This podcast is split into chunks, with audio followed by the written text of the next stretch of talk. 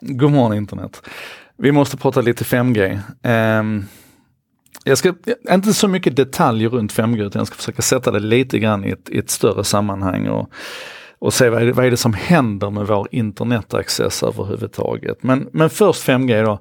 Eh, reportern Patrick Holland på CNET, han har varit ute och testkört nu AT&T's, en av deras eh, 5G-nät i Los Angeles. Och han uppmätte en hastighet på 1,782 gigabit per sekund. Eh, och tro mig, även om du inte vet vad gigabit per sekund är för någonting, det här är fullständigt mindblowing hastigheter. Han gjorde 12 tester, eh, 8 av dem var över 1,4 gigabit. Han hade oerhört låg latency, alltså själva fördröjningen i nätet om man ska kalla det så att han kunde spela spel med VR-glasögon och, och alltså så här, helt fantastiskt. Och, och då ska vi sätta det här i perspektivet att alla de tre stora operatörerna i USA håller på och, och rullar ut sina 5G-nät här nu.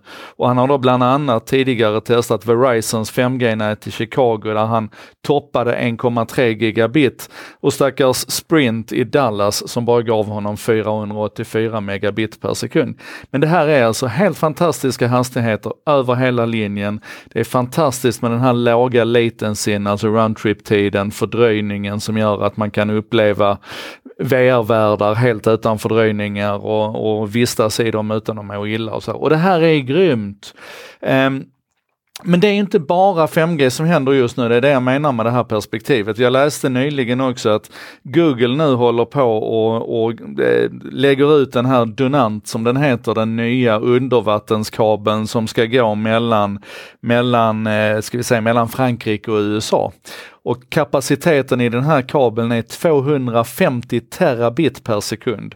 Det betyder alltså att du kan skicka det totala innehållet i det amerikanska kongressbiblioteket mellan USA och Frankrike tre gånger i sekunden. Och, och Det här ska vi då också sätta i perspektiv naturligtvis. Det är faktiskt ändå bara 56% snabbare än den gamla kabeln, Maria-kabeln, som är Facebooks och Microsofts gemensamma kabel som bara klarar 160 terabit per sekund.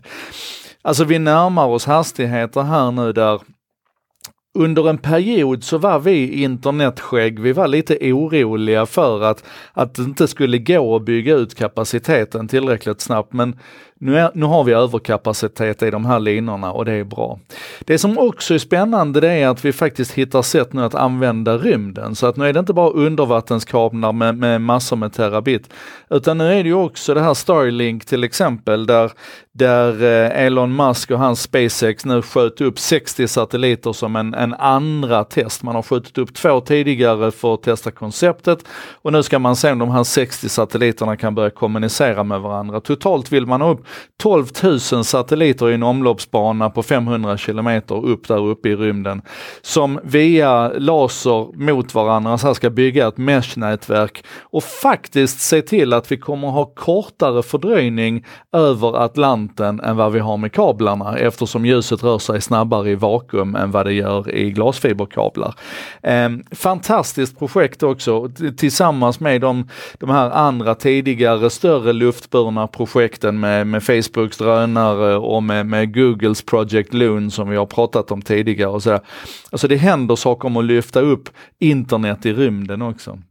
Men det är inte slut där, va? för samtidigt så är vi precis på tröskeln nu till att rulla ut det som vi kallar för Wi-Fi 6G som är en, en ny wifi standard nästan alla här, ni har ju naturligtvis trådlöst hemma och de här har tidigare hetat saker som wifi, eh, eh, eh, vad heter de, 802.11b, 802.11g, 802.11n och, och, och så vidare. Och nu kommer man då liksom att ändra det här så nu heter det wifi 6 istället och det kommer att vara en, en, en otrolig kapacitetsökning igen i det här. Inte bara i hur snabbt det går att kommunicera utan i hur många noder du kan ha på samma nätverk och så vidare. Samtidigt som Mesh ju liksom det här att vi inte behöver dra sladd mellan alla basstationerna också rullar. Alltså det händer så mycket här nu och det är ju inte slut där va. för samtidigt så är det en, en rörelse här nu som försöker hitta sätt att koppla ihop alla våra smarta internet of things-prylar. Så att vi har, vi har eh, utvecklingsförslag som LoRa som står för long range där vi sänker överföringshastigheten och kapaciteten för att samtidigt då sänka till exempel energiförbrukningen och vi ökar avståndet så att de här prylarna kan stå självstående med ett litet sånt här knapp, knappnålsbatteri och kommunicera i tio år liksom och, och vi kan liksom på det viset koppla upp alla våra sensorer. Telia bland annat driver ett annat projekt här hemma som man kallar för Narrowband IT som också är ett försök att utnyttja det existerande mobilnätet då, men samma sak där, man sänker överföringstakten, man sänker energiförbrukningen för att helt enkelt hitta in i det här andra use-caset med sensorer som, som vi bara gödslar med. Eh, min vision är ju det här med att vi ska ha sensorer i varenda pappersmugg så småningom och då måste vi hitta sätt att hantera den överföringen.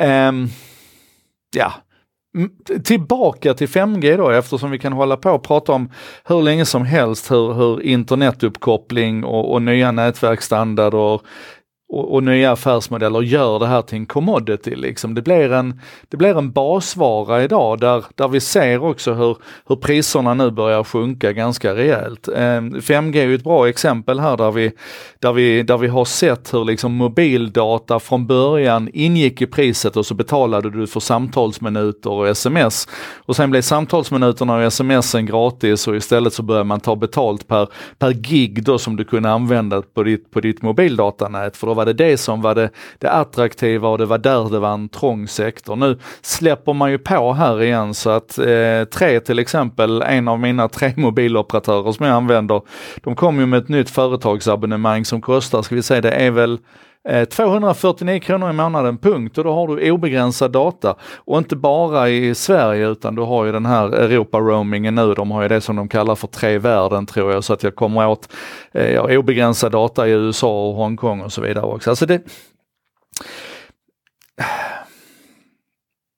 Jag tror ni kan ana min entusiasm inför det här. Jag har ju pysslat med internet sedan 1993 och det har ofta varit så här att det är en trång sektor med internetaccessen och den här trånga sektorn den har, den har naturligtvis bromsat möjligheterna och bromsat utvecklingspotentialen och hållit tillbaka vad vi kan göra med det här.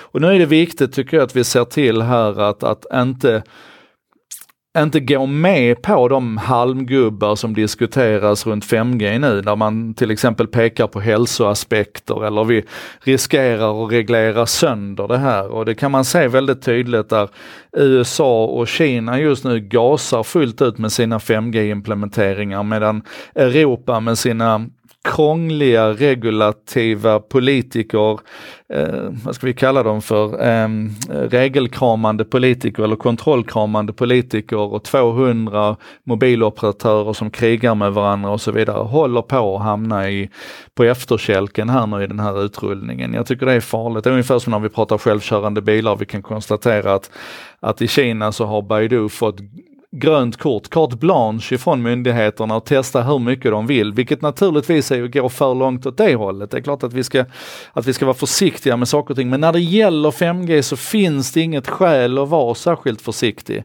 Alltså, det är, det, är, det är strålning det handlar om naturligtvis, men det är så låga effekter vi pratar om så att även om vi nu rör oss uppåt lite grann i frekvensbanden här med 5G så är det fortfarande helt harmlöst. Eh, och det kan vi se om vi tittar på Strålsäkerhetsmyndighetens utvärderingar av det här eller vad Folkhälsomyndigheten säger om det här.